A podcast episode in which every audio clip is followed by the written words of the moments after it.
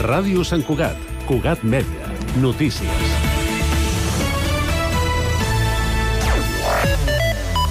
Bona tarda. Sant Cugat ha esquivat grans incendis forestals aquest estiu gràcies sobretot a la consciència ciutadana, segons la Diputació de Barcelona i bombers de la Generalitat. La campanya de prevenció s'ha tancat només amb dos incendis forestals i 0,01 hectàrees cremades registrades, tenint en compte el context d'excepcionalitat per la sequera. Unes xifres que disten de les 0,83 hectàrees que es van cremar el 2022 i les 1,4 del 2021. El Pla d'Informació i Vigilància contra Incendis Forestals de la Diputació ha tancat, d'altra banda, la campanya de 2023 entre juny i agost amb la detecció de 5 abocaments il·legals. També s'ha informat a 391 persones situades en zones forestals de risc en aquest període. Dimecres 11 d'octubre de 2023. També és notícia que la coordinadora d'AFAS de Sant Cugat ha notificat a inspecció del Departament d'Educació de la Generalitat 10 casos de famílies beneficiàries de la motxilla escolar que han pagat també les quotes escolars. Quan s'hi reps aquest ajut, aquestes despeses no s'han d'abonar. El col·lectiu ha detectat l'anomalia en centres públics i concertats de primària i secundària en l'última setmana i alerta d'un escenari en què els més perjudicats són les famílies vulnerables. La coordinadora explica que hi ha centres que no estan informant d'aquestes ajudes i giren rebuts d'unes quotes que suposen mal de caps per a les llars amb menys recursos. El lloguer mensual a Sant Cugat en el segon trimestre de l'any ha caigut un 4,7%, segons dades que recull l'Incasol a partir de les fiances de lloguer dipositades. Així, el preu que es paga actualment a la ciutat és de 1.269 euros, 63 euros menys que el primer trimestre de l'any. Amb aquestes dades, Sant Cugat se situa com la cinquena ciutat del país amb el lloguer més car després de Sant Vicenç de Montalt, Cabrils, Mata de Pere i Alella. Amb l'octubre, el patrimoni de Sant Cugat revifa i enguany ho fa en ritme de moviment. Les jornades Patrimoni Viu, l'activitat local que celebra les jornades europees de patrimoni, desplega a la ciutat un munt de propostes relacionades amb el poder de la dansa. Entre aquest divendres i diumenge, Sant Cugat proposarà als Sant Cugatencs activitats per a tots els públics, repartides entre el museu, el celler modernista i Torre Negra. I en esports destaquem que l'equip femení del Club de Golf Sant Cugat ha finalitzat sisè a l'europeu disputat a Prevets, Bulgària. El conjunt integrat per Clara Martí, Carlota Rodríguez i Nagore Salcedo han participat en aquesta competició com a vigents campiones d'Espanya. Les santcugatenques han sumat una targeta de 453 cops, 17 més que les campiones al Racing Club de França. Un total de 16 equips han disputat aquesta competició.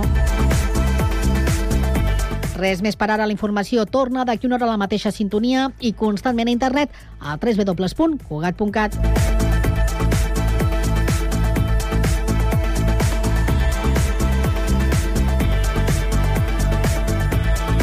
Cugat Mèdia, la informació de referència a Sant Cugat. 4 i 3 minuts. Comença el Connectats.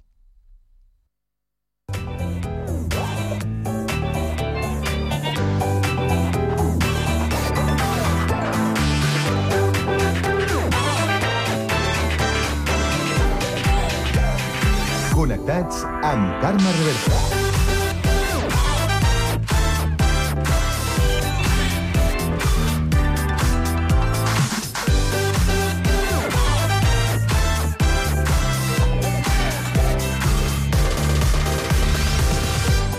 Molt bona tarda, salutacions i benvinguts un dia més al magazín de tarda de la xarxa al Connectats de l'àrea metropolitana de Barcelona, que com sabeu fem Ràdio Sant Cugat, Ràdio Sabadell, la Ràdio Municipal de Terrassa, el Prat Ràdio, Ràdio Ciutat de Badalona i Ràdio Castellà. Una salutació de tot l'equip conduït a la part tècnica per Pablo Palenzuela, Jessica Ríos a la producció i de qui us parla, Carme Reverte. Avui és dimecres, 11 d'octubre, i volem saber quin temps ens espera aquesta tarda. Lluís Mi Pérez. Un dimecres que torna a portar un temps molt tranquil. De fet, les últimes hores simplement hi ha hagut algunes boirines que han estat més presents a les comarques de Girona i ja a hores d'ara el cel s'ha obert gairebé a tot el país i de fet el que queda d'aquest migdia i tarda el temps ha de ser completament assolellat. Una mica de calitza i de contaminació. A l'àrea més urbana i industrial de l'àrea metropolitana i també del Camp de Tarragona i algun nuvolet que arribarà a créixer al Prepirineu, però sense tempestes. I una altra vegada la temperatura que torna a ser molt més alta del que és habitual i de fet aquesta tarda tornarem a fregar els 30 graus a moltes poblacions. Al llarg del dia del Pilar, demà, una jornada tranquil·la, només al matí hi haurà més núvols baixos que avui, més boira, sobretot a les conques interiors i a les comarques de Girona, però demà a la tarda el temps serà una altra vegada de platja. Us seguirem a la xarxa.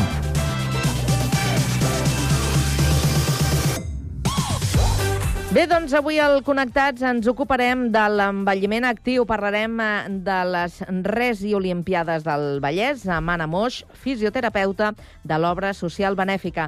Acabarem la primera hora amb la tertúlia generalista per parlar de l'augment de la tarifa de l'aigua a l'àrea de Barcelona i de l'impacte climàtic del Mundial de Futbol. A partir de les 5 coneixerem la sabadellenca Isabel Serrà, exiliada a Santiago de Xile i que ha retornat a la ciutat amb 88 anys. Continuarem amb gastronomia per descobrir el Baranso, el restaurant vegà de Terrassa, un dels restaurants vegans de Terrassa. Acabarem amb el Coses d'Antes, que Oriol Carreras i Sergi Estapé dediquen avui a la figura de Pepe Domingo Castaño. Tot això i més des d'ara i fins a les 6 de la tarda a la vostra emissora local. Connectats? Comencem!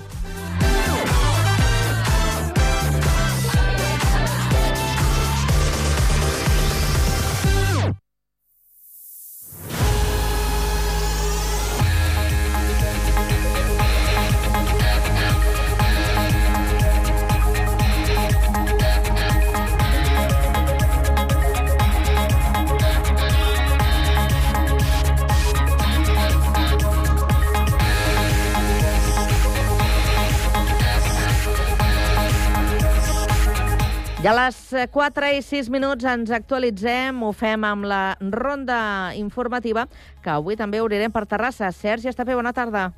Bona tarda. Els dies 13, 14 i 15 d'octubre, Terrassa se suma un any més als actes de la celebració de les Jornades Europees de Patrimoni Catalunya amb l'organització de diverses activitats gratuïtes i obertes a tothom per donar a conèixer i posar en valor el patrimoni cultural de la ciutat. El lema de l'edició d'enguany, proposat pel Consell d'Europa, és Patrimoni viu i fa referència a les pràctiques els coneixements i les habilitats que es transmeten de generació en generació i que actualment es continuen mantenint. Així, durant tres dies, les diferents activitats que es duran a terme examinaran com el patrimoni d'ahir s'ha convertit en el patrimoni d'avui i com aquest patrimoni, gràcies a les persones que transmeten el seu coneixement, es pot salvaguardar per a les generacions futures. Per celebrar aquestes jornades, el Museu de Terrassa ha programat enguany les següents activitats. Portes obertes a la Seu d'Ègara, a la Casa Alegre de Sagrera i al Castell Cartoixa de Vallparadís i visita per lliure l'exposició temporal Galí i Viusà Art, Amor i Exili el diumenge. D'altra banda, també organitza el taller familiar gratuït El meu nom Aníbar al Castell Cartoixa de Vallparadís. Gràcies, Sergi. I ara continuem per la capital, la Sabadell, avui, que destaca en la crònica informativa. Pau Duran, bona tarda. Bona tarda. El Departament de Justícia de la Generalitat de Catalunya invertirà 23 milions d'euros en l'ampliació i reforma dels jutjats de Sabadell. Aquest projecte consta de quatre fases i, segons apunta el propi departament, estaria enllestit el 2029. El principal canvi és que d'aquí a sis anys els jutjats ocuparan la totalitat de l'edifici de l'Eix Macià, que suma 18.822 metres quadrats en tota la seva extensió. Gemma Ubasart, consellera de Justícia, ha subratllat que la iniciativa es va heretar de l'anterior titular del departament, la sabadellenca Lourdes Ciuró, i que li han vist els avantatges. Va l'anterior equip, és una decisió que considerem correcta eh, i per tant eh, nosaltres eh, doncs, eh, aquesta decisió doncs, evidentment um, doncs ens sembla que, que l'hem de, de continuar i a més a més jo diria um, si hi ha elements de sostenibilitat pressupostària hi ha elements de termini però sobretot hi ha un element fonamental que és amb aquesta uh, remodelació integral de l'edifici ens permet ja veure millores des del dia d'avui. Els diferents espais es reordenaran i agruparan en funció dels seus usos per així garantir un millor funcionament. L'última fase permetrà augmentar el nombre de jutjats dels 23 actuals fins als 33. Gràcies, Pau. I ara seguim aquest repàs a l'actualitat des de Badalona. Andrea Romera, bona tarda. Bona tarda, Carme. Una quarantena de persones han estat ateses a la unitat de trànsit del CAP Doctor Robert de Badalona des de la seva posada en marxa fa tres mesos. Un equip de referents que atén les persones trans del Barcelonès Nord i Maresme i evita que aquestes, unes 230, hagin de desplaçar-se fins a Barcelona per ser ateses. La majoria es mouen en la franja d'edat d'entre 17 a 25 anys, tot i que hi ha gent de totes les edats. Des de la unitat expliquen que cada persona que ve en una primera visita arriba en una etapa diferent de la seva transició i trasllada unes preocupacions i necessitats diferents en funció del punt del procés que es trobi. Escoltem Laura Sánchez, metgessa de l'equip de referents trànsit de Badalona. Tenim la part d'identificació del gènere, autoidentificació del gènere, és a dir, explorar els diferents eh, gèneres en els que es pot viure i decidir en quin una, un se sent més còmode i, i després la transició social que moltes persones poden o volen fer d'una manera concreta, més ràpid, més lenta, en, en certs aspectes de la seva vida abans, en certs aspectes de la seva vida després, i després algunes persones volen, volen fer modificacions corporals. L'objectiu de la unitat és acompanyar les persones trans i sensibilitzar sobre la seva realitat sense prejudicis. Una unitat integrada per un equip de vuit referents amb perfils molt variats, com una ginecòloga, una llevadora, una psicòloga, una metgessa de família i una treballadora social, a més de les persones d'administració i serveis. Gràcies, Andrea. Seguim el repàs ara una mica més al sud, al Prat de Llobregat. Lluís Rodríguez, bona tarda. Bona tarda. El Prat ha commemorat el Dia Mundial de la Salut Mental amb un acte a l'auditori on s'ha posat l'accent en l'accessibilitat a gaudir del benestar emocional. La filòsofa investigadora Begoña Roman ha destacat que és important que es garanteixin espais així com ajudes i també ha reflexionat sobre com és encara més rellevant les persones que ens envolten. El tema és accessibilitat on, els llocs, sí, a què, prestacions, espais, però fonamentalment el que fa el vincle no és només el què i el on, sinó les persones.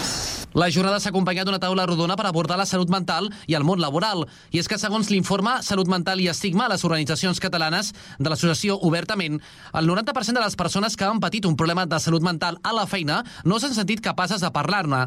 Al marge de l'acte central d'aquest dimarts, les propostes al voltant de la salut mental encara continuaran durant els propers dies. Els podeu consultar al prat.cat a la secció Persones. Gràcies, Lluís. I ara, de retorn al Vallès, ens quedem a Castellà. Rocío Gómez, bona tarda. Bona tarda. L'Associació Comerç Castellà ha arribat a un acord amb l'empresa Saba per tal que els establiments comercials que ho desitgin puguin facilitar tiquets d'estacionament per valor d'un euro a l'aparcament soterrani de la plaça Major.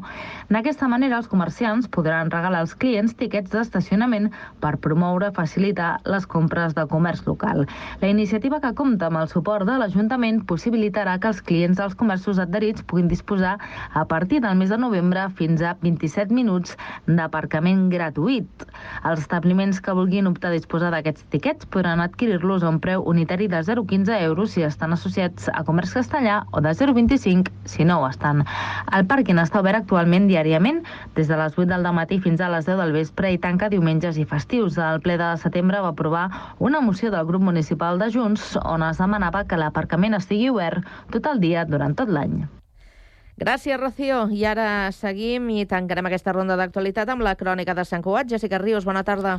Bona tarda. La coordinadora d'AFES de Sant Cugat ha notificat a Inspecció del Departament d'Educació de la Generalitat 10 casos de famílies beneficiàries de la motxilla escolar, que han pagat també les quotes escolars quan, si reps aquest ajut, aquestes despeses no s'han d'abonar. El col·lectiu ha, de ha detectat l'anomalia en centres públics i concertats de primària i secundària en l'última setmana i alerta d'un escenari en què els més perjudicats són les famílies vulnerables. La coordinadora explica que hi ha centres que no estan informant d'aquestes ajudes i giren rebuts d'unes quotes que suposen mal de caps per a llars amb menys recursos. Ho explica la tresorera de la coordinadora, Carme Roca que les famílies no, no estan informades de que tenen aquesta ajuda assignada per lo qual no poden mm, fer valdre el seu dret de, de no haver de pagar quotes i els centres estan girant quotes o estan reclamant pagaments en aquestes famílies que han quedat eximides de, de qualsevol pagament per concepte d'escolarització. En el pacte contra la segregació escolar, la Generalitat va implementar el curs passat mesures per garantir la igualtat d'oportunitats.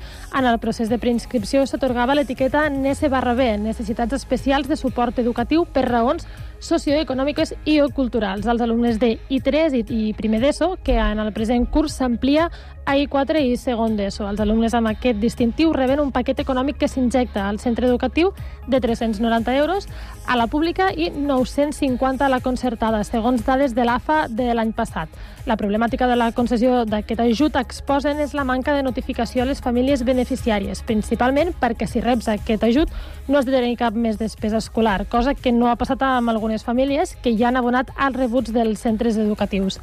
La coordinadora d'AFES demana als centres que notifiquin a les famílies aquestes ajudes que rebran en un futur pròxim ja que l'atorgament no és immediat. També reclamen que se les informi que, en cas de rebre l'ajut, no poden rebre també el que abona l'Ajuntament. Una incompatibilitat que, per temes de calendari, es va perdonar l'any passat, diu la tresorera Carme Roca.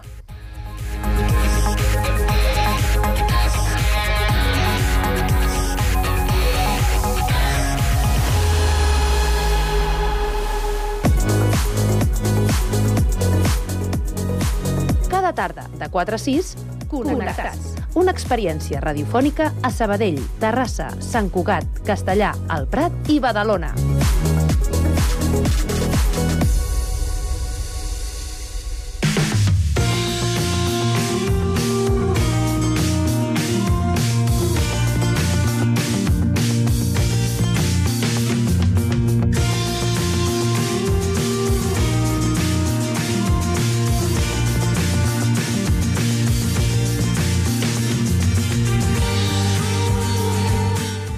Unes Olimpíades amb atletes de fins a 103 anys. Sí, és possible. I es van viure el cap de setmana passat i van ser a la residència Obra Social Benèfica. L'esdeveniment és una prova de la importància de l'activitat física, la salut mental i la sociabilització.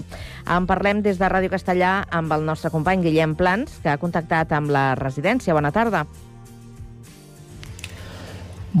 Carme. Doncs avui parlem d'envelliment actiu i ho fem explicant la Reci Olimpíades del Vallès, en què hi va participar l'obra social benèfica amb uns quants atletes. En parlem amb la fisioterapeuta Anna Moix. Anna, molt bona tarda. Hola, bona tarda. Com van anar aquestes Reci Olimpíades? Comencem, si et sembla, explicant què són. Uh, bueno, doncs, uh, molt bé, realment van anar molt bé, les vam fer amb molta il·lusió. Uh, van ser unes Reci Olimpiades que es van organitzar des de la residència Sauleda de Sant Antoni de Vilamajor. La seva responsable, la Mariona Rodríguez, la, la treballadora social d'allà, va voler doncs, fer una trobada amb diferents residències de tot el Vallès. Finalment hi vam poder anar-hi 12 i bueno, va ser un matí diferent. Ens vam trobar a les 10 del matí al pavelló de Sant Antoni de Vilamajor. Vam competir en vuit diferents modalitats esportives, entre elles vòlei, tir de javelina, futbol, llançament de pes, totes elles, per descomptat, adaptades a les necessitats dels nostres atletes, per dir d'alguna manera.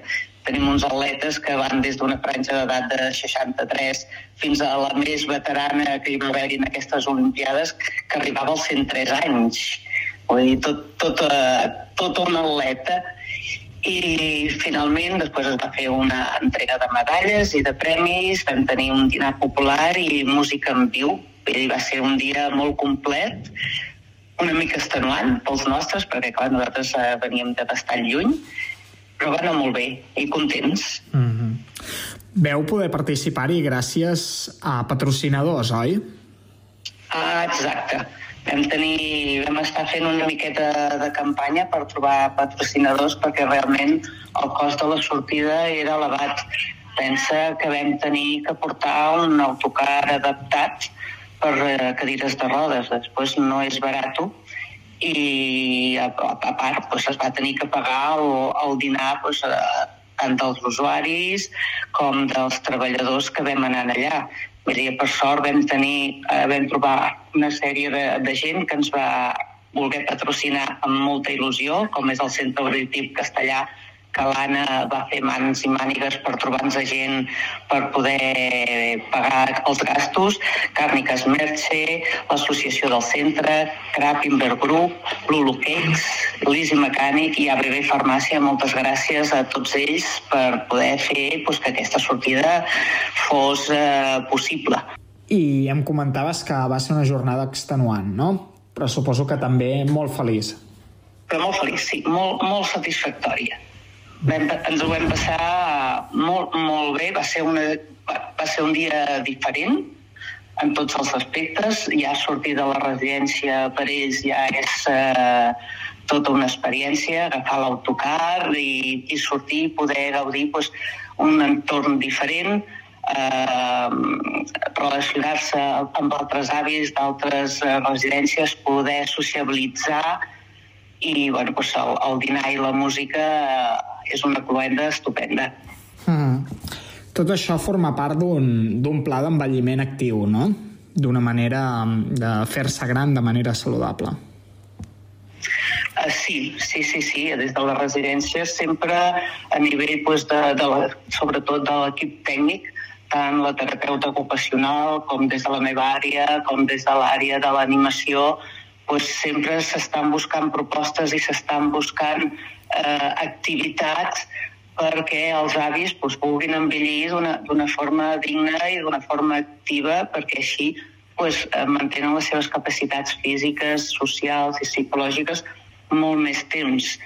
No volem que sigui entrar en una residència perquè ja és prou fumut eh, tenir que entrar en una residència pels motius que siguin, perquè els teus familiars ja no poden cuidar de, de tu, però això no significa que la teva vida s'hagi acabat també pots tenir il·lusions per fer coses noves i coses diferents i tenir projectes, com igual nosaltres doncs, tenim els projectes de, de què faré per Nadal o què faré per vacances, doncs ells també diuen, ah, doncs mira, dintre de dos mesos farem això, o dintre de tres mesos anirem a l'altre cantó, no? És dir, no és ja sempre una rutina de, de sempre fer el mateix. Mm. És una qüestió d'il·lusió, doncs. Sí, uh -huh. d'il·lusió, de sociabilitzar, de, de mantenir-nos eh, eh, desperts i amb alegria i amb interacció social, de trencar les rutines del dia a dia, de, també pues, eh, amb el tema de les Reis Olimpiades també una mica pues, preparació física, per exemple, perquè eh, les Reis Olimpiades no han sigut un dia per nosaltres. Potser des de fora sí que es veu que és un sol dia, però nosaltres des del juny ja portàvem doncs, parlant d'elles amb ells, eh, entrenant, eh, valorant allò que dius, doncs mira, tu competiràs en, en bàsquet, que se't dona bé, tu doncs, competiràs amb el futbol, que et xutes molt bé. Eh, pues, eh, recordant una miqueta, orientant en el temps i a l'espai, i això quan serà, i on anirem, i on queda Sant Antoni de Valer Major, i pues, tota una sèrie de coses pues, que durant dos mesos hem treballat i que ara actualment seguim treballant, perquè seguim fent una reminiscència del que vam fer, del que vam treballar, del que vam guanyar, que no vam guanyar, del que vam menjar, mm, per dir-te d'alguna manera, vull dir, aquí aquestes han sigut les primeres res olimpiades del Vallès, però aquí a Castellà havien fet res olimpiades Mm. Abans de la pandèmia, malauradament amb la pandèmia es van tenir que, que cancel·lar perquè clar, ja no es podíem ajuntar. Doncs molts usuaris dels que tenim aquí que estan inclús amb demències avançades encara et parlen de les Reis Olimpiades de Castellà del Vallès i t'ho parlen amb un carinyo i amb una il·lusió i amb unes ganes de, de poder tornar-les a fer, no? Uh mm-hmm. -huh i els resultats és el, més, és el menys important, no? Suposo, de jornades com aquestes. Sí, per descomptat. Uh -huh. uh, si som primers, si som últims, uh, nosaltres hem guanyat l'experiència, hem guanyat doncs, uh, la sortida, la interacció, uh, l'alegria d'ells, tinc aquí al meu costat, se m'ajunta la, la terapeuta ocupacional d'aquí a la casa, la Cristina. Hola. Ei, doncs saludem a la, a la Cristina, si es vol unir també a l'entrevista. No, la veritat és que va ser una experiència molt maca i bueno, també això, no? donar-nos compte de que si es tornés a, a fer les Res Olimpiades aquí a Castellà, doncs també podríem portar més gent no ens hauríem de, de limitar a portar un grup de 25, com per exemple eh, quan te'n vas amb un autocar. Ja podria potser participar molta més gent de la casa, perquè ho tenim aquí, bueno, i fer poble i no, moltes, la identitat de les persones. De fet, nosaltres vam quedar amb, amb ganes de més, sí. no? Vull dir, dèiem, dir, ara, pues, eh, ara ja estem una miqueta de ple preparant la castanyada i, el, i aquest any volem fer un túnel del terror aquí a la residència. Després ja ens, ens n'anem de ple a Nadal, pues, passant Nadal potser contactar altre cop amb el Departament de Benestar i a veure si podem tornar a activar les Reci Olimpiades de Castellà i tornar-nos tornar a reunir totes les cinc residències d'aquí a Castellà mm. i, i, bueno, i, i, i tornar-les a fer aquí a casa. Mm. I és el que diu la Cristina, ja no tindrem que desplaçar-nos amb un autocar i poden venir doncs, familiars, que també es van quedar molts familiars amb les ganes per anar els seus avis a, a competir. Clar. Mm. I els podríem venir a animar des de casa. Doncs mira, de, des d'aquí fem una, una crida a tornar a celebrar aquestes Reci Olimpiades. Segur que les altres residències de Castellà pensen el mateix que vosaltres. Segur, segur. Mm. Segur, perquè la vam, ho vam celebrar durant 3 o 4 anys seguits i realment els avis les esperaven. Esperaven les Reci Olimpiades. A més, segur que és un esdeveniment molt social no? per tots els usuaris de les residències. Sí, sí, i tant. I tant, i tant. A més a més, ells, clar, els fa il·lusió, eh, van a saludar els altres, es, es presenten, els pregunten d'on són, d'on deixen de ser... Eh, bueno, és, és, és com nosaltres. A veure, al final eh, no és una cosa especial. Vull dir, nosaltres també, quan fem un viatge o fem també tenim aquesta il·lusió de pues, d'anar a conèixer gent nova, de fer coses noves, de, de veure què em trobaré, i quan tornes pues, ho expliques, i mira, he fet això, he fet l'altre... Pues ell, ell és el mateix, vull dir, són grans, però són, són persones iguals i tenen il·lusions iguals i tenen ganes de fer exactament igual que nosaltres. El que passa és que tenen una sèrie de limitacions que, mira, amb, bon, amb, bona, amb bona voluntat i amb, mm, bueno, amb tot el que podem fer nosaltres, eh, doncs intentem tirar-les endavant i fer doncs, que el seu dia a dia sigui ple i sigui diferent i, i sigui ple amb alegria i, i amb il·lusió. Ara que us tinc a totes dues aquí, amb, amb nosaltres, us volia demanar quins consells podríeu donar per mantenir-se físicament i, i mentalment actius a, a mesura que, que s'envelleix. És a dir, com, com practicar un envelliment actiu que, que ens sigui beneficiós per la salut. Home, jo el que diria principalment és que mm, no vagis amb la idea de que això ja no ho puc fer a veure, no, ara jo no em pujaré, pujaré l'Everest, per dir d'alguna manera, però sí que vull fer i vull caminar i vull fer coses eh, que no diguis, no, és que jo ara a aquesta edat això jo ja... Perquè no és veritat. No.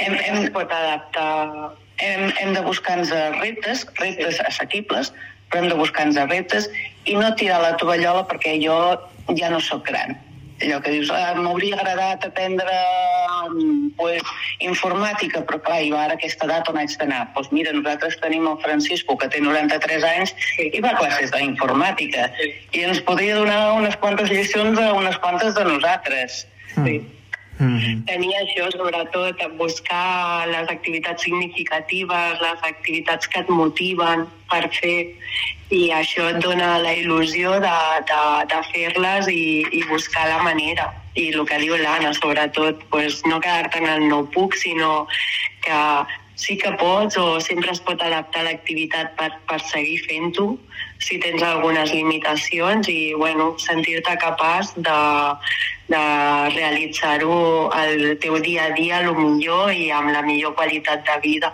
mm. possible.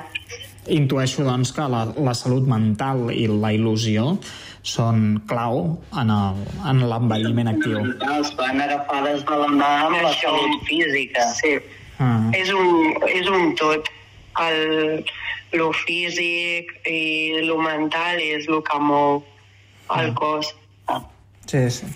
Doncs Anna i Cristina de l'obra social benèfica, moltíssimes gràcies i enhorabona per tota la feina que feu. Esperem que la pròxima vegada que parlem sigui per anunciar que hi ha unes noves Reci Olimpíades a, aquí a Castellà perquè són fonamentals per l'envelliment actiu dels usuaris de les residències. Moltes gràcies a, a tots vosaltres. Merci. Una abraçada i molt bona tarda a tu també, Carme. Gràcies, Guillem, i bona tarda. Connectats. Una experiència radiofònica a Sabadell. Ràdio Sabadell, 94.6. Terrassa. Ràdio Municipal de Terrassa, 95.2. Sant Cugat. Ràdio Sant Cugat, 91.5. El Prat. El Prat Ràdio, 91.6. Castellà. Ràdio Castellà, 90.1. I Badalona. Ràdio Ciutat de Badalona, 94.4. Cada tarda de 4 a 6, connectats.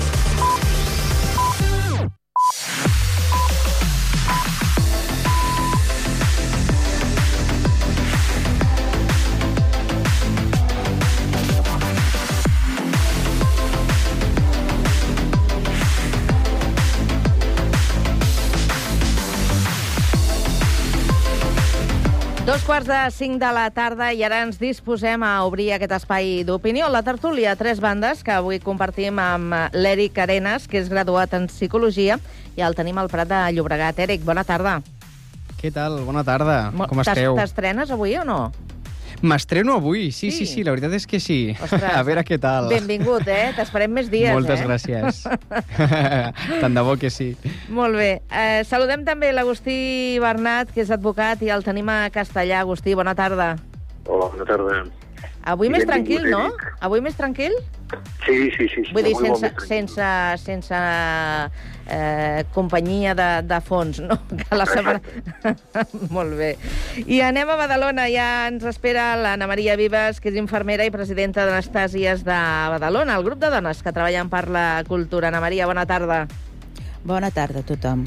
Molt bé, doncs, escolteu, ja hi som tots i uh, anem a per feina. Anem amb els temes que us havia proposat per a la tertúlia d'avui i comencem per uh, aquesta tarifa de, de l'aigua que es veurà afectada, incrementada, uh, a partir del mes de, de gener. Uh, això pel que respecta a l'àrea de, de Barcelona.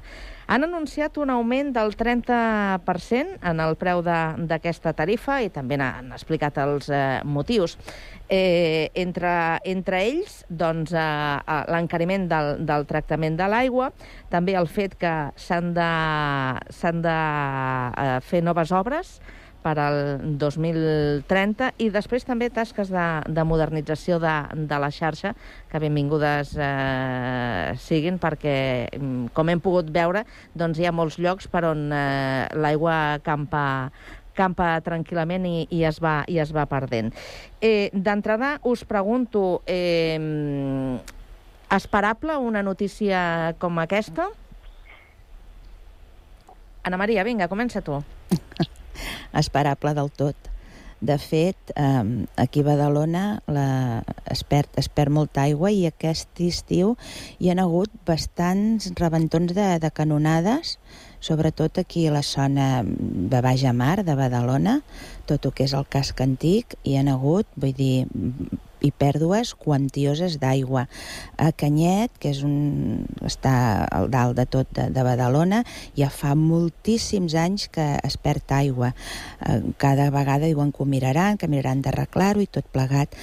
A mi el que em fa... No és que em faci especial gràcia, perquè realment les pujades no, no me'n fan cap de gràcia, però que tot és de cara al 2030. Mm. Falten set anys i es, fa molt de temps que estem parlant del 2030, des de les baixes emissions, des de eh, la- la- la- l'aigua que, que és un benefici, ai, és, és, una, és un bé que, que és preuat i que, vull dir, que, que es paguen amb uns preus abusius, tot i que sí que també és veritat que Aigües de Barcelona, com a mínim, entenc que a, a tot arreu de, de que és l'àrea metropolitana, però aquí a Badalona, mm, vull dir, és, és un ajut eh, d'ingol i tall en l'aigua per, per no poder pagar, vull dir, els serveis socials, això és, eh, fa l'efecte que va ser des de l'alcaldia de la, de la Dolors Sabater, que vull dir, hi ha uns descomptes i si no tens uns ingressos mínims o no tens ingressos o, o cobres l'ajut en famílies i tot plegat, vull dir, és una de les coses que, que, que res més entenc jo que deu ser tota l'àrea metropolitana. Mm. Però vaja, que les pujades al gener vindran a tot arreu, doncs, indubtablement. Vull dir, era esperat. Menys els sous, tot pujarà. Efectivament, eh, l'Anna Maria ha apuntat al 2030. Clar, és que tot va molt lligadet, tot té a veure amb el canvi climàtic, amb aquestes mesures de sostenibilitat. Eh, per tant, eh, doncs sí, hi ha aquesta data que sembla que sigui l'horitzó, però vaja, que hi ha coses que es podien haver fet abans, com per exemple la modernització de la xarxa o l'actualització, no? I per, per impedir ni que sigui doncs, totes aquestes uh, fuites d'aigua que ja fa temps. I em sembla que a Badalona, precisament, Anna Maria, eh, no sé si es fa uns dies, s'anunciava que, que, que intentaven posar remei a una d'aquestes fuites sí, importants que hi ha, sí, no? Sí, sí aquestes fuites que fa molts anys, eh? és, és aquesta aigua que no, si, és, si és una mina o si és el, alguna font, ens baixa de canyet i baixa, vull dir, carretera avall mm, i, i no un rajolinet, eh? vull dir, ja, sí, sí. una fuita una fuita important, important d'aigua, però fa moltíssims anys, eh? I, bueno, a, a grup, grups ecologistes de la ciutat, els verds, estan, fa també anys que reivindicaven la pèrdua d'aigua, que no podia ser, que tomba, que gira, però anaven passant consistoris i consistoris, i uns, la, això, no, això es pertany a l'àrea metropolitana, l'àrea metro... no, això es pertany a municipis, no, però que, clar, els municipis, eh, que és Badalona, la, que surt del municipi de Santa... Vull dir, d'uns als altres es anaven passant la pilota. Ara, finalment, van dir que ho arreglarien. Quan no hagin fuites d'aigua, ja t'ho comunicaré, Carme. Val, ens avises. Sí. Vinga, més opinions al respecte d'aquesta pujada de la tarifa de, de l'aigua. Agustí. Mm. Pues, com, com havia dit la Dolors, eh, eh, era esperada. O sigui, el que em sorprèn és que no hagin encomès aquesta pujada abans Eh, els motius ja ens els podem imaginar tots, però havia arriba un moment de que quan hi ha un encariment de costos tan brutal com, a, com ens han explicat que ha generat aquesta pujada, pues, ja dic, m'estranya molt de que hagin trigat tant a, a fer-ho. Un 30% potser ho trobo, ho, trobo, ho trobo una mica que exagerat, però en fi, ells sabran, ells sabran el, el motiu pel qual han, han arribat aquí. I altre tema que, que clar, un, un, quan et toquen la butxaca, ràpidament pues, tothom es posa nerviós, però és que el tema de l'aigua, mm, alerta, perquè eh, o sigui, parlem molt de l'any de l'això de l'horitzó 2030 i totes aquestes coses, però ja des de fa unes quantes dècades estat parlant que el gran problema que es trobava la humanitat sencera, cuidado, la humanitat sencera, és un problema d'abastiment d'aigua d'aigua bueno, pel rec, d'aigua per, pel consum, perquè sí, ja, ja sabem que tres quartes parts del planeta és aigua, sí, però és salada. Aigua dolça, ja sabem, ja, ja sabem el que és. I aleshores eh, portem ja mas, massa anys tothom mirant cap a l'altra banda amb, amb un tema tan sensible i ara, pues mira, ara que et toquen la butxaca és quan, oi, pues, i, i per què no s'ha fet totes aquestes obres de manteniment del, de, la, de les xarxes de, de les xarxes d'aigua? Pues mira, és, és, la pregunta, és la pregunta del milió quanta xarxa hi ha per el que és el, el rec dels camps, que s'estan perdent tones i tones d'aigua i, no sé, i, i ho saben, però no s'arreglen. Bueno, doncs ara, ara, ara, ara, ja tenim, ara ja tenim el desastre. Home, doncs ara, ara que pujaran els preus, doncs eh, se suposa que sí, que ja es podran arreglar, no? O, o estarem igual. Bueno, és que a veure, si a partir d'aquí... Bueno, és, és, això és com el, el dia que et diuen que et pugen el, el rebut de les escombraries. I diuen, mira, me l'han de pujar, doncs benvingut sigui, però que em donin un servei adequat a el que estic pagant. Uh, uh, això. això de l'aigua passa, passa, passa exactament igual. El que, el que dirien impostos de primera per serveis de primera, no? Ah, Exacte. efectivament. Vinga, Eric. Sí, no, jo coincideixo completament amb els meus companys. És més, el que comentava ara l'Agustí és un, és un gran exemple del que, del que passa. No? És a dir, paguem impostos molt elevats per després, en molts casos, doncs, rebre un servei que és una mica pèssim en segons quins àmbits. No? Però a, a la pregunta que em feies, Carme, jo, jo crec que sí, que era completament esperable. No? És a dir, eh, al cap i a la fi portem una problemàtica de sequera durant molts mesos i era d'esperar que eh, per molt democràtics que siguem i, i molt moderns que siguem i, i tot això, tot plegat, no? al cap i a la fi el pes recau sobre els mateixos sempre, que són els ciutadans i ciutadanes. No? Aleshores, eh, jo, jo crec que anem tard i, i això és una cosa que hem d'assumir de, de primeres, no? Anem tard i ens hem posat les piles quan hem vist una emergència climàtica pel que faria la sequera, d'acord? Per tant, jo crec que, que, que en primer lloc anem tard. I després crec que estem confonent també en, en, molts, en molts casos a, aquesta necessitat de modernització d'aquest servei, que estic completament d'acord que es necessita, crec que s'hauria d'haver fet també, però escolta, mai és tard per modernitzar els serveis que al cap i a la fi eh, recauen en un producte final cap al ciutadà, no? però no, no els confonguem tampoc o no els vulguem camuflar amb una emergència climàtica com pot ser la sequera. No? És a dir, tota, tota aquesta pujada de preu jo la podria arribar a entendre en el sentit de que eh, el, el, el flux d'aigua Ter Llobregat eh, el que ha fet, o, o el que va fer, millor dit, va ser tallar una mica el subministrament de, de, del Ter no? i deixar en funcionament constant les desalinitzadores. Òbviament això consumeix moltíssima energia i, mm. òbviament, eh, aquest ens doncs, ha de pal·liar aquest, aquesta gran despesa a través d'algun ingrés. No? I entendria des d'aquest punt de vista que, per tal, perquè les desalinitzadores, com bé sabreu, no s'han aturat tot i la situació de ceguera, i per tant han continuat donant servei a la ciutadania, eh, per, aquest, per, per aquesta vessant entendria sí, eh, que hi hagués aquesta pujada de preu d'alguna forma per pal·liar les despeses que han pogut haver extras. No? Ara, eh, com deia l'Agustí, a pujar un 30% el preu eh, per modernitzar la xarxa de cara al 2030, ostres, em sembla una mica exagerat. Jo crec que al cap i al fi necessitem transparència, necessitem... Mira, ara em venia a, a la frase, al cap la frase de eh, més clar l'aigua, no? Doncs justament mm. això, que ens ho diguin ben clar, que ens diguin què és el que volen fer, qui, quin és el projecte no, de, de, moderna, de modernització perdoneu, d'aquest servei i, i endavant, no? Però al cap i a la fi la pregunta que ens hem de fer també és sobre qui acabarà recaient tot Exacte. això. Exacte. Sí, ara, tot, tot ara, plegat. Ara s'ha apuntat perquè, també... Clar, en... Exacte, com, com bé sabeu, és, és, són els ajuntaments, perdona'm, eh, sí. són els ajuntaments qui compren aquest servei i, per tant, són els ajuntaments qui fixen aquest preu. Aleshores, cada ajuntament és un món i, al cap i a la fi, dependrà després de cada ajuntament eh, l'impacte econòmic que té això en la ciutadania. Efectivament. Com ara apuntaves tu, eh, Eric, eh, caldrà saber com repercutirà eh, al final en la factura que ens arriba mm. a casa, sí. perquè mm -hmm. són precisament els ajuntaments els que decidiran com mm, repercutirà eh, en, en cada cas. És a dir, que aquest 30% no serà exactament ni literalment un 30% mm -hmm. que afectarà a la nostra factura. Ja veurem. Ja ho veurem. Jo, jo he llegit que era d'un euro o un euro i mig per persona al mes, mm. però independentment dels impostos que et carreguin en aquests rebuts. Perquè, clar, mm, si mm, jo de vegades m'he fixat, eh?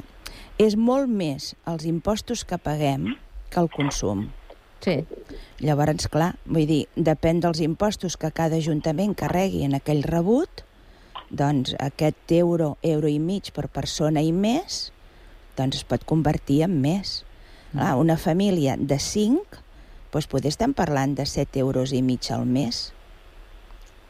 Que això, és al cap de l'any, són 800 euros. Vull dir, sembla que no, però amb, amb segons quines famílies això és molt. I si ja, ja no parlem doncs, d'un un, un matrimoni gran que, que tingui pues, unes, unes entrades de, de jubilació baixetes. Clar, és que són molts diners. En, en, ens sembla, clar, avui ho parlàvem eh, a la feina, això, mm. un euro, un euro i mig, i la gent gran, clar, tampoc, saps, un euro ben bé, no? Però una deia, ah, però no és tant. I jo dic, no, escolti'm, quants són a casa seva? Multipliqui això, multipliquem-ho per 12, és això a l'any. Ostres, doncs això sí que són diners. Clar, tot depèn de com tu miris. Mm -hmm. Algú més? I a més, i, i a més eh, eh mira, és, és que m'ha agradat molt la, la intervenció de la Dolors, perquè un, una de les grans perversions que tenim en el tema del subministrament de, de, de qualsevol llar és que, és que la veritat, jo fa, fa molt temps vaig reparant això mateix que acabes de dir, que et mires el rebut i la quantitat d'impostos i recàrrecs i de conceptes que va haver, costa massa d'entendre per un consum de vegades mínim, mmm, A veure, és, és que comença a retard al cap i dir, a veure, què està, què està passant aquí? Mm -hmm. I, aleshores, i, a veure, i, com, i, i com molt bé dieu, mm, cuidadito, perquè quan comencem a tocar la butxaca a la gent, és ella de dir, no, mira, és que jo no, no gasto tanta aigua. Diu, oi, menys encara, què, què has de fer, fill meu? Sí. Eric, tu volies apuntar alguna cosa més? No, jo, jo completament d'acord amb els meus companys i, i, i torno a remarcar aquesta necessitat de ser transparents no? I, i saber eh, al cap i a la fi sobre què recaurà tot això, tot plegat. No? I ara quan la Dolors eh, exemplificava la despesa que podia tenir per una família de 5 persones, per exemple, em venien al cap totes les famílies monoparentals o famílies nombroses que sovint es troben amb moltes dificultats eh, quan pugen no, la, la quota de qualsevol servei públic que podem arribar a tenir.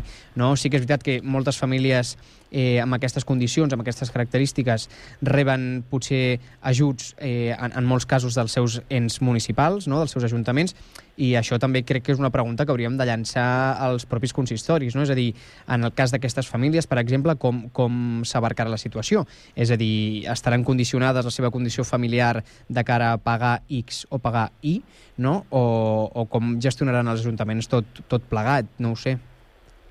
Em, em, em, perdones un moment, Carme? Sí, no, endavant. és que em vull dirigir en els meus dos companys. Jo em dic Anna Maria, no em dic Ai. Dolors. Ai, perdona. No i ara. Doncs jo no he fet la correcció perquè avui... Ostres. No, no. No sé, no sé per què jo tenia al cap que et deies Dolors Home, i no, quan l'Agustí l'ha confirmat ha estat com... Però, però no, cap problema. Ho dic eh... més que res perquè que, al ser l'única dona avui a la tertúlia... Que no et canvien per una altra, no? Que no Anna Maria, per sento, una altra. No, i ara, disculpa'm. i ara al contrari. Eh, Ha sigut una... Fas de dir-te Dolors, per això m'he confós. Ah, també? També? L'Agustí? Sí, sí, és que també, també. Sí, també l'Agustí doncs, Pujós. Sí, Però sí, sí. res, eh? Vull dir, és, és mira, una mica de, per trencar el gel, no per no, no, no tindre tan mal humor, pensant en el que fas pagarem bé, d'aigua. Fas bé, Anna Maria. Eh, imagino que no he sigut jo que he donat peu a tot això. No sé No, si a la, no, a, a la presentació ha sortit una Dolors o una Anna Maria. Però vaja... No, no, una Anna Maria, una Anna Ah, Maria. Val, no, t'ho dic Estem perquè... fatal, Agustí, estem fatal. Us... No, no, no. A veure, jo avui estic fent eh, una mica la, a, la tertúlia i el, i el programa amb unes dificultats que no, no, no venen al cas i tinc alguna, algun problema a l'hora de, de seguir les, les converses, eh? Eh, però vaja, que ni, ni me n'he adonat, Anna Maria, Ja, que que t'havien no- canviat el que no- nom. que o no passa has, res, eh, Has que fet bé, has que- fet bé.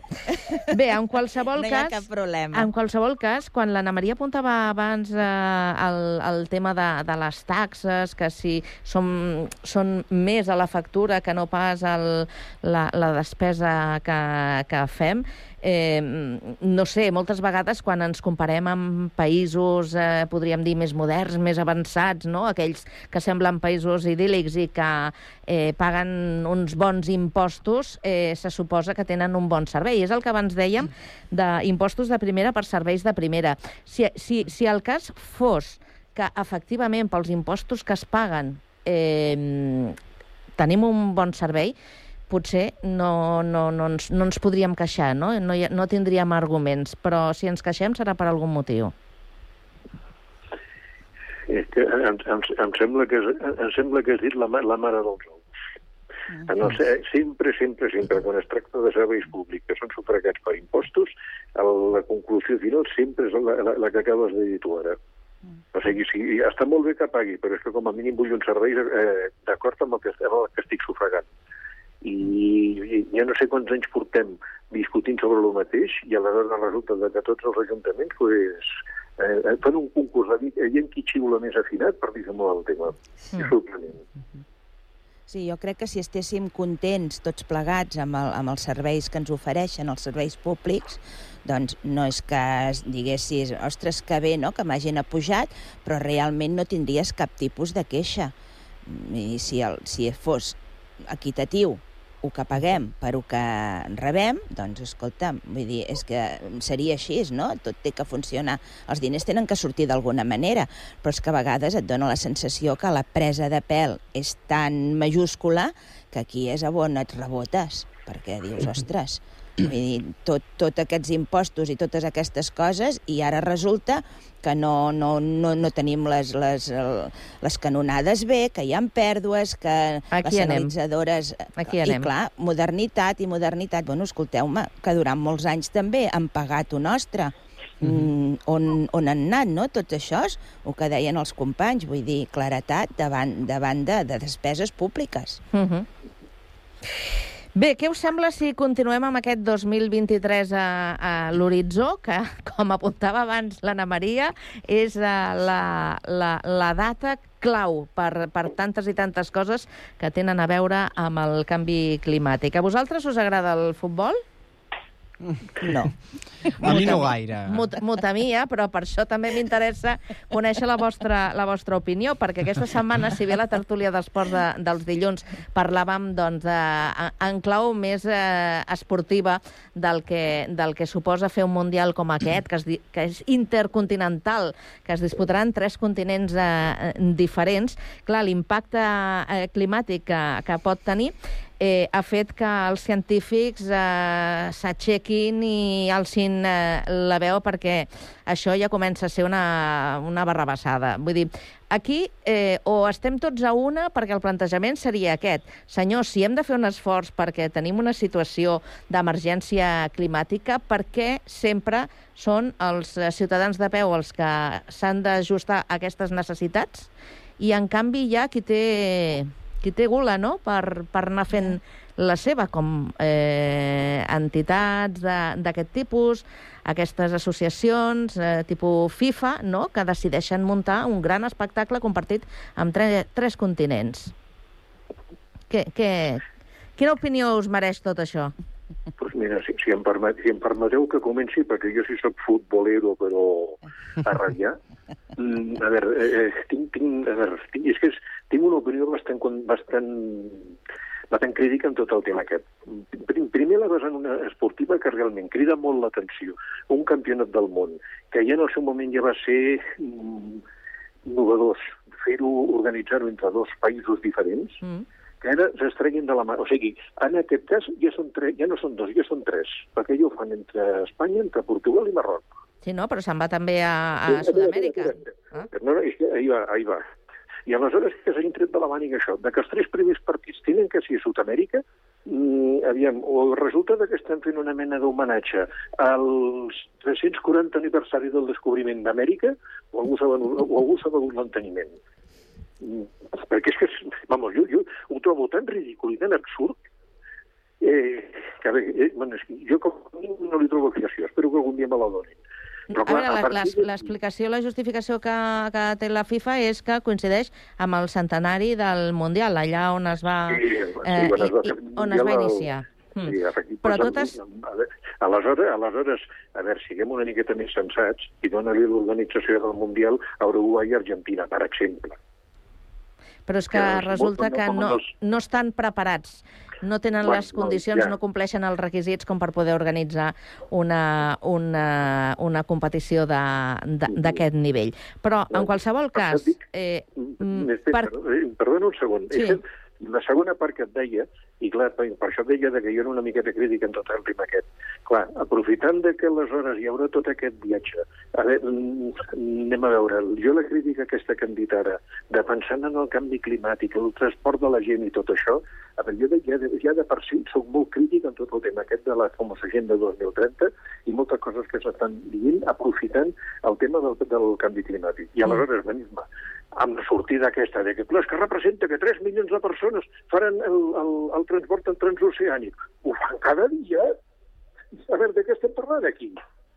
O sigui, ja et dic, jo trobo que és un tema que han- l'han tret tan, tan, tan, tan, tan de, de, de de baix, i és que jo no li trobo sentit, la veritat. Vinga, més opinions. Eric, Sí, no, jo, jo escoltava amb atenció el, el que deia l'Agustí i coincideixo amb moltes coses que comenta, no? Jo crec que no, no cal posar-nos les mans al cap en una situació que, que està passant fa ja anys. No? És a dir, jo crec que ara també, eh, segons quins sectors, utilitzen el futbol, no? i mira que sóc la persona menys futbolera, fins i tot crec que menys futbolera que l'Anna Maria. Em...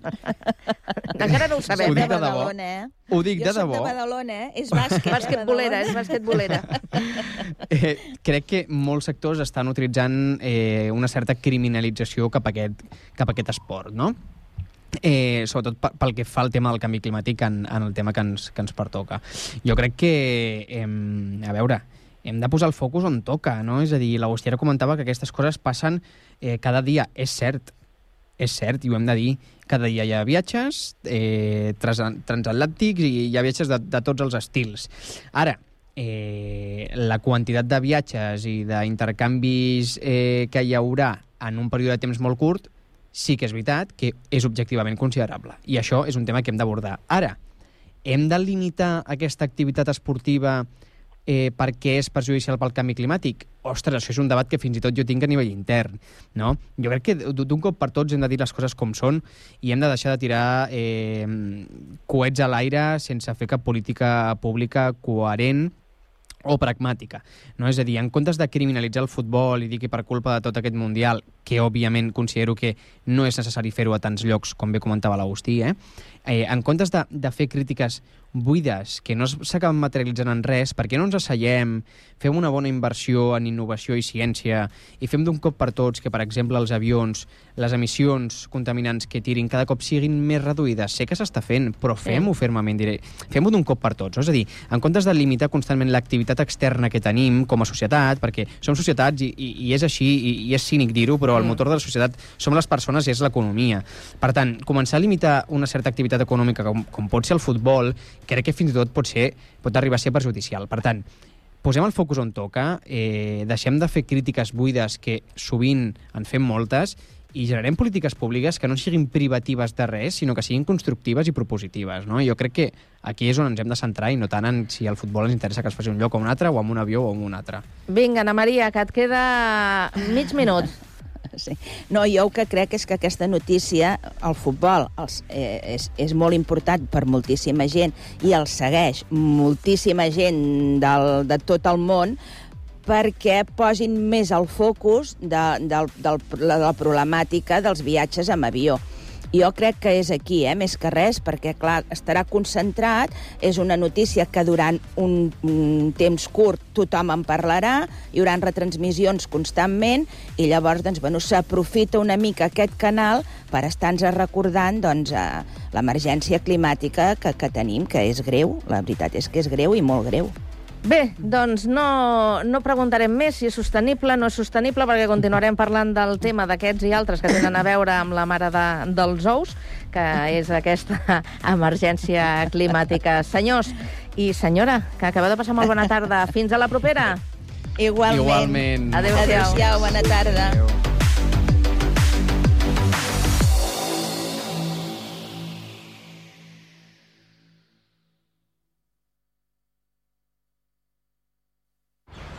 Estàs pensant a posar plaques solars a casa teva?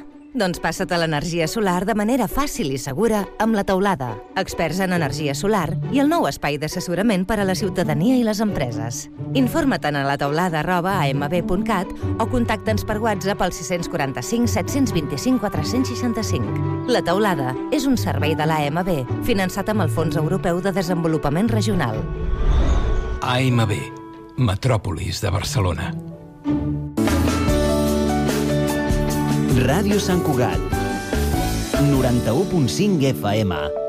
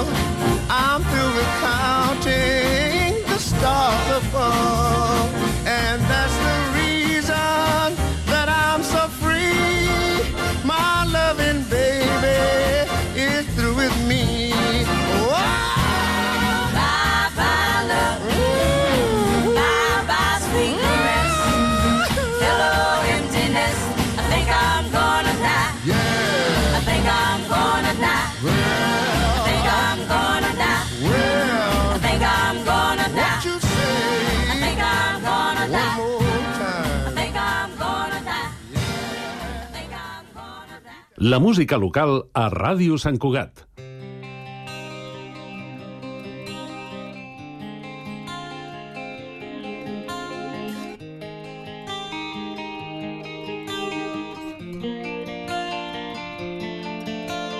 Once upon a time, in a faraway land,